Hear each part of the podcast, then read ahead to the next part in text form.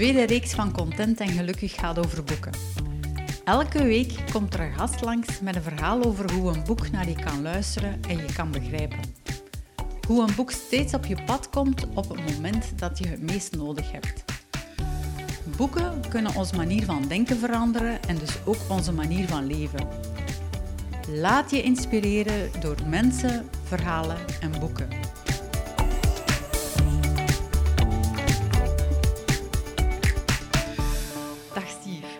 Heel leuk dat je hier bent. Dag Caroline. Je hebt een boek mee. Vertel eens, welk boek heb je mee? Ik heb uh, het boek Behave mee van Robert Sapolsky. Uh, The Biology of Humans at Our Best and Worst.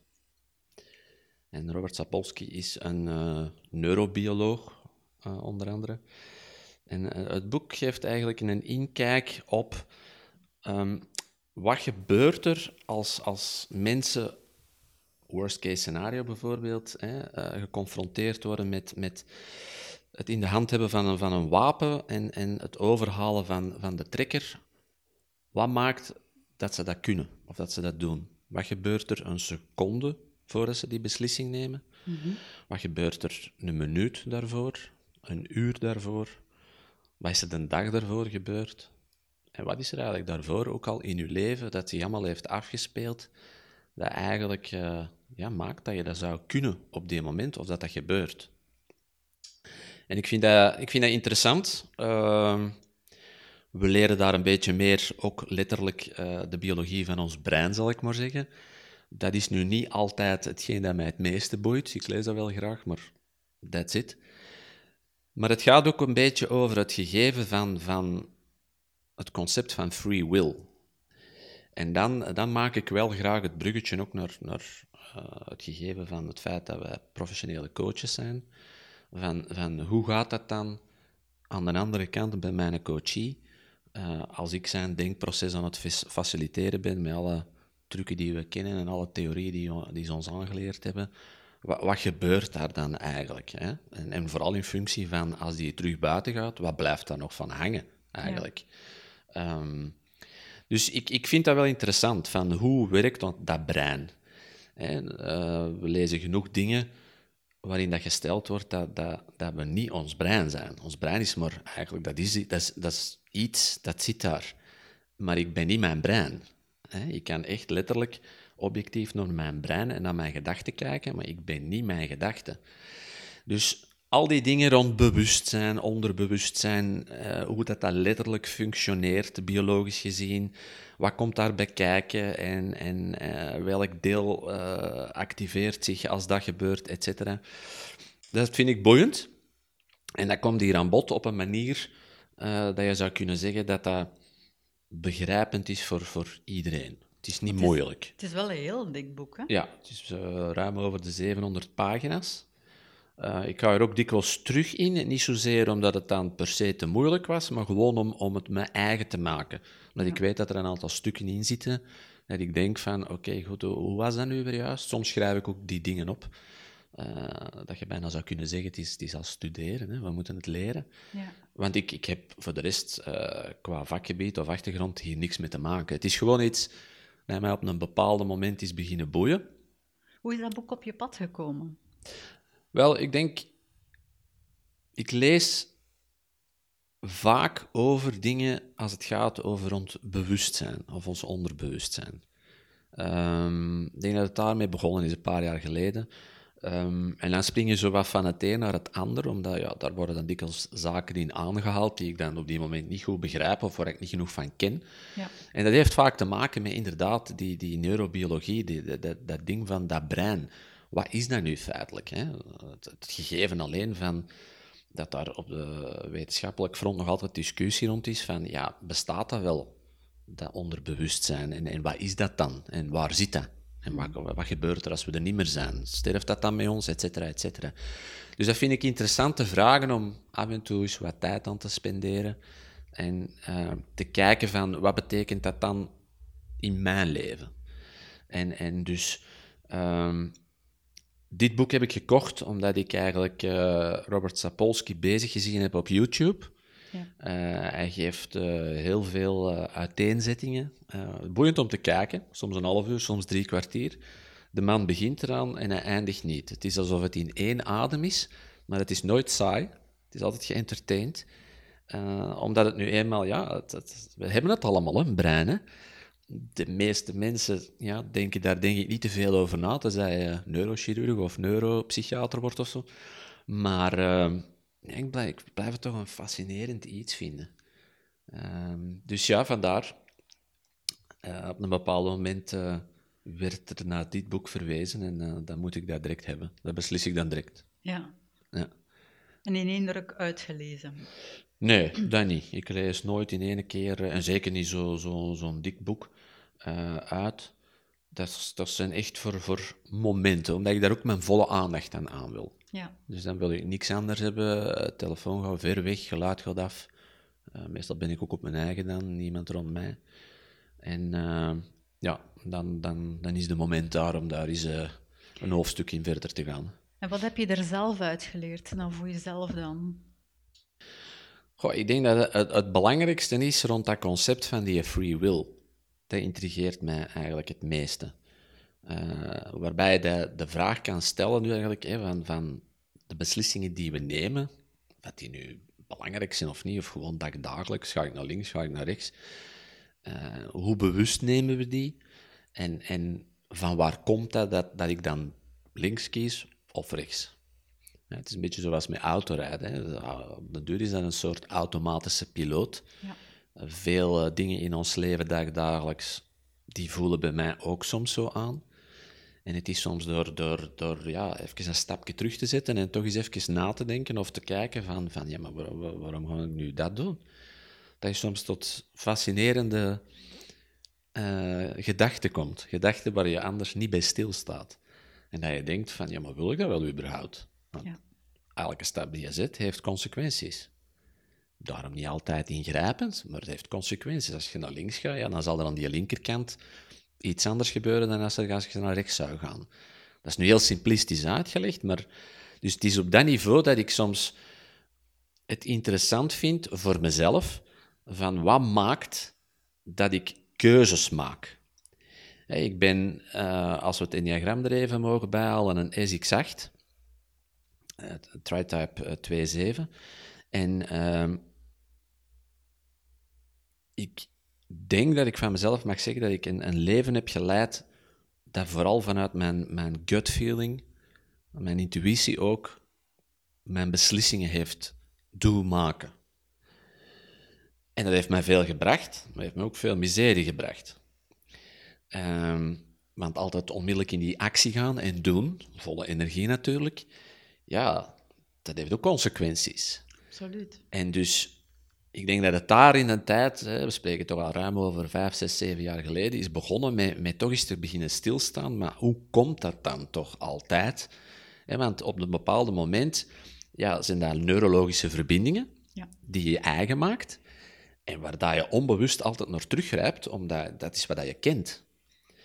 En het is door heel die, die, dat traject van, van professioneel coach te worden dat ik ook heb ingezien van, ja, maar ja, je kan dat ook nog wijzigen dat is flexibel. Het is niet omdat het zo altijd is geweest, dat het zo altijd zal moeten blijven. Het is neuroplastisch. Ja, het is nog. Voilà, inderdaad.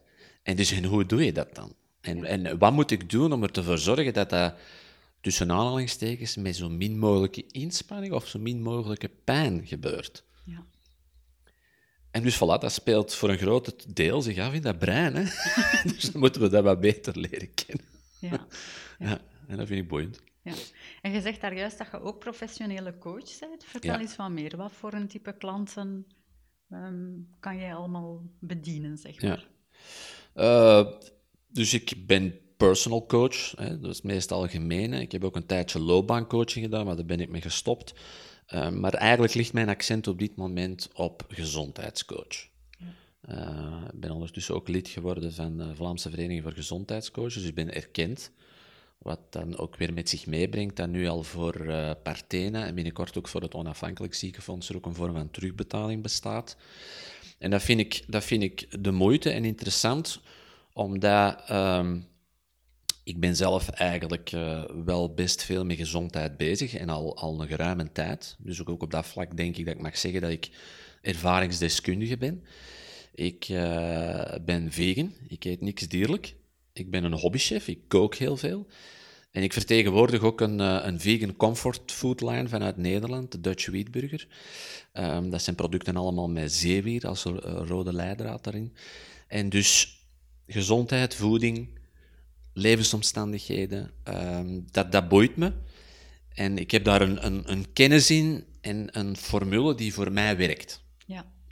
En dus uh, vandaar heb ik uh, vrij snel besloten eigenlijk, is dat ik uh, met coaching begon als, prof, allee, als beroep, om, om daar meer mijn accent te gaan leggen.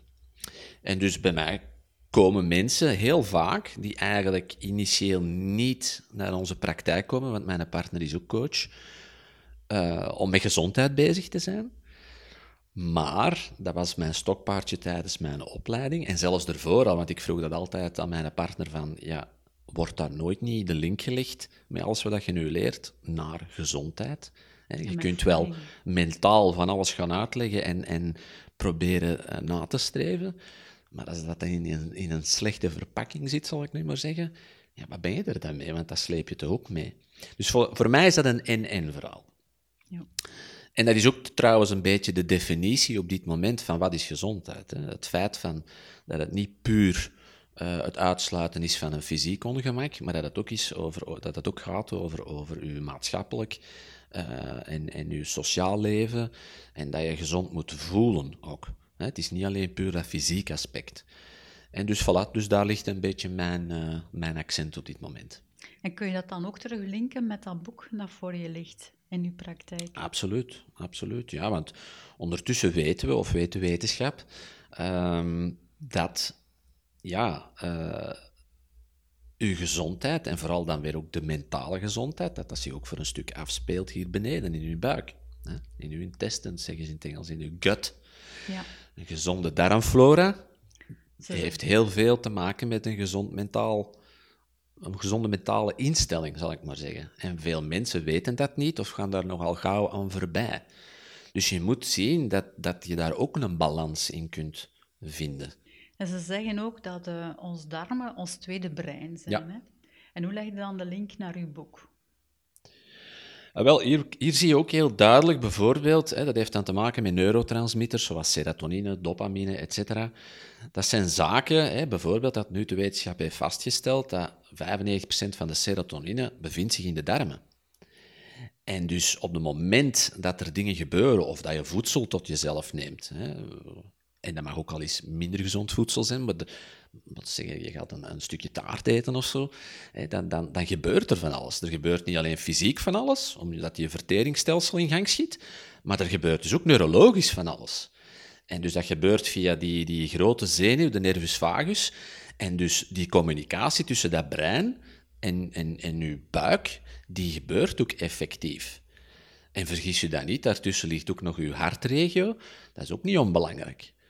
Dus u lekker voelen, kortstondig of op lange termijn, dat heeft allemaal te maken met die connecties die, die we eenmaal, die, die er zijn, die we hebben.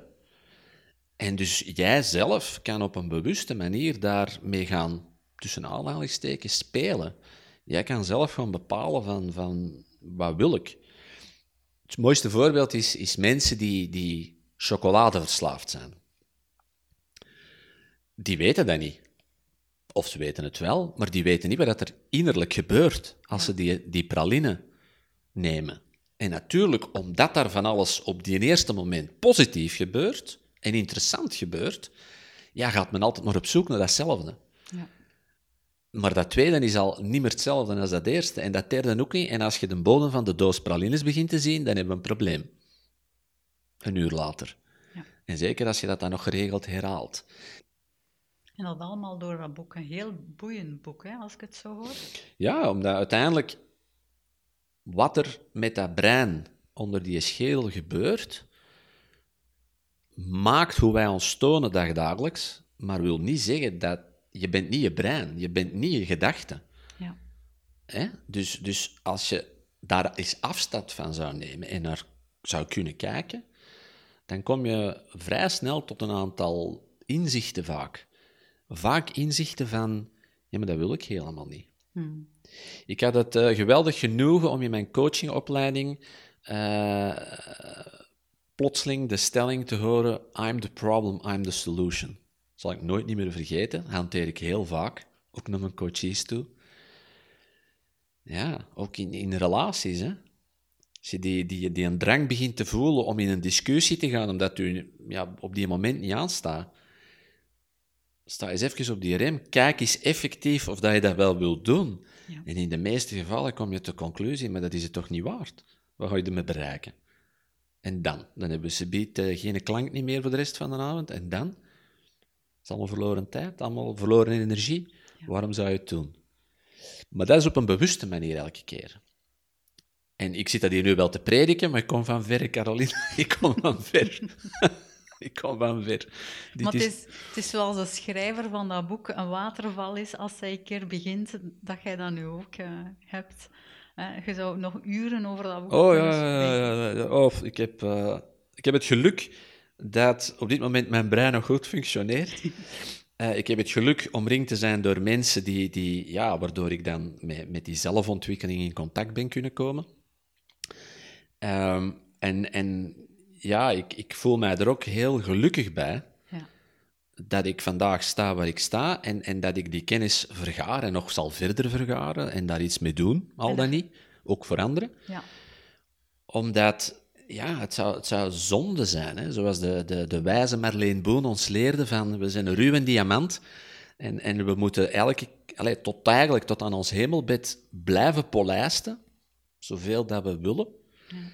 En, en daar nooit niet mee stoppen, hè? want die laatste seconde dat we de chance hebben om nog eens terug te kijken van oké, goed, dan wil ik het gevoel krijgen, met alles wat er nog bij komt, voordat ik mijn laatste adem uitblaas, van, van ja, oké, goed. Het is goed, het is goed geweest. Ja. Ik, heb, ik, heb, ik heb gedaan wat ik denk dat bij mij uh, mogelijk was. Ja. En ik heb nog wel wat tijd goed te maken, want ik heb al veel tijd verloren als we het hebben over fysieke tijd, mensentijd. Ja. Maar uh, ja. Ik zie hier in ieder geval een gelukkige mens voor mij zitten. Ik, ik durf dat echt zeggen. Ja. Ik heb echt geleerd gelukkig te zijn met wie ik ben. Ja. Met al zijn flaws en al zijn positieve dingen. En, uh, en af en toe moet ik uh, nog eens in de spiegel zien en mezelf terechtwijzen van... Ik zeg dan altijd meestal met een achternaam, De Wind, van... Dat heb je niet goed gedaan, jongen. we moeten ervoor zorgen dat we dat de volgende keer niet meer doen. ja. En, maar ja, dat, dat, is, dat is eigen aan mens zijn. Hè. We zijn geen uh, robots. Hè. Ja, absoluut. Als laatste vraag. Wat ligt er vandaag nog op je nachtkastje? Wel, uh, ik lees geen fictie, dat kan ik u wel zeggen. Maar de volgende boek zal gaan over adaptogenen. kan je daar al iets meer over vertellen? Ja, omdat ik heb het gevoel, ik heb dat ontdekt nog niet zo lang geleden. Uh, en ik heb het gevoel dat ik daar ook op, uh, op commerciële wijze iets mee ga doen. We hebben er al over gesproken thuis. En, uh, maar daar is nog een lange weg te gaan. Adaptogenen, dat zijn, dat zijn eigenlijk kruiden, zal ik maar zeggen. Meestal paddenstoelen, worden in de Ayurveda al duizenden jaren gebruikt. En eigenlijk, wat doen die? Die, die zorgen ervoor om, om die homeostase te bewerkstelligen. Dat wil dus zeggen dat, dat de afsterven van de cel door, door alles wat van buitenaf komt, vervuiling, eh, slechte voedsel, levensgewoonten en zo, dat dat, dat eigenlijk een, een versterkte uh, werking daarop heeft. En uh, dat is heel boeiend. Uh, en ik mag daar nog niet te veel over zeggen, omdat we, we gaan daar een, een link leggen met iets dat we toepassen in onze coachingpraktijk zodanig dat dat kan afgestemd worden op individuele uh, noodzakelijkheid. Dus wordt vervolgd? Wordt vervolgd, absoluut. Oké. Okay. Dank je wel voor het gesprek. Nee, dank je. dank je wel.